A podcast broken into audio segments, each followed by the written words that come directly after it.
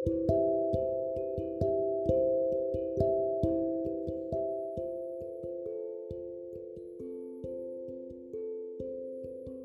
Rosario adalah doa yang amat sederhana sekaligus bentuk devosi yang paling populer dalam tradisi gereja Katolik.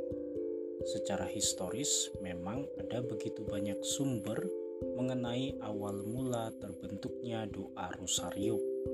Namun, yang jelas, doa Rosario adalah salah satu bentuk penghormatan kepada Maria Doa Rosario sebagai bentuk penghormatan kepada Maria tidak dimaksudkan semata-mata kita berdoa kepada Maria, tetapi kita berdoa bersama dengan Bunda Maria untuk memohon kemurahan hati Allah.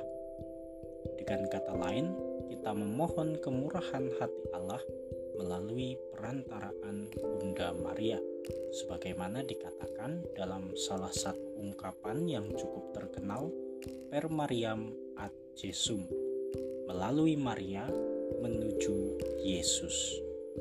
Maka doa rosario merupakan doa yang bersifat kristosentris, artinya tetap memusatkan perhatian pada Kristus.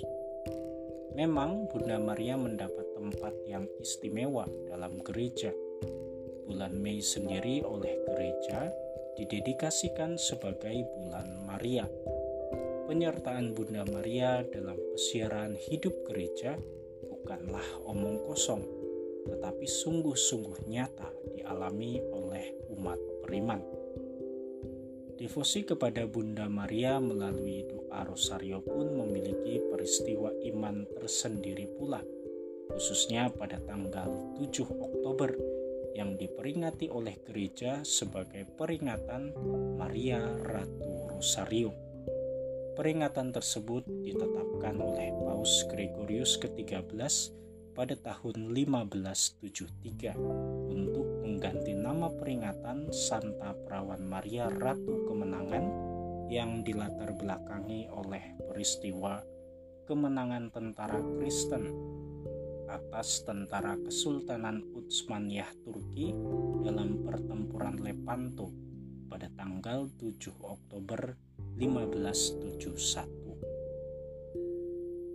Oleh karenanya, bila bulan Mei didedikasikan oleh gereja untuk menghormati Maria sebagai Bunda Allah, maka bulan Oktober yang didedikasikan sebagai bulan Rosario adalah untuk mengenang kekuatan doa pada Allah melalui doa rosario. Hal yang menarik dalam doa rosario adalah bahwa umat beriman tidak hanya sekedar mengulang-ulang doa salam Maria sebanyak 50 kali, tetapi juga turut merenungkan peristiwa-peristiwa Yesus yang menggenapi sejarah keselamatan umat manusia ada empat peristiwa dalam doa Rosario. Yang pertama, peristiwa gembira. Peristiwa gembira terbagi dalam lima pokok perenungan, mulai dari malaikat yang menyampaikan kabar kepada Bunda Maria sampai pada Yesus berumur 12 tahun.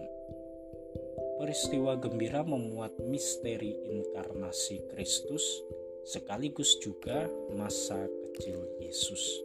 Seakan-akan peristiwa gembira mau menghantar kita untuk masuk dalam masa liturgi Advent sampai dengan Natal serta persiapan masa biasa. Yang kedua adalah peristiwa terang. Peristiwa terang terbagi dalam lima pokok perenungan, mulai dari karya publik Yesus Kristus sampai sebelum Yesus mengalami penderitaan peristiwa terang seakan-akan menyertai kita dalam masa biasa tahun liturgi dan mengingatkan kita pula untuk selalu menjadikan Ekaristi sebagai sumber dan puncak hidup Kristiani.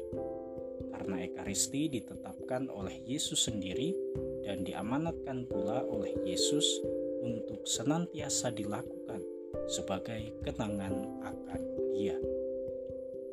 Yang ketiga adalah peristiwa sedih.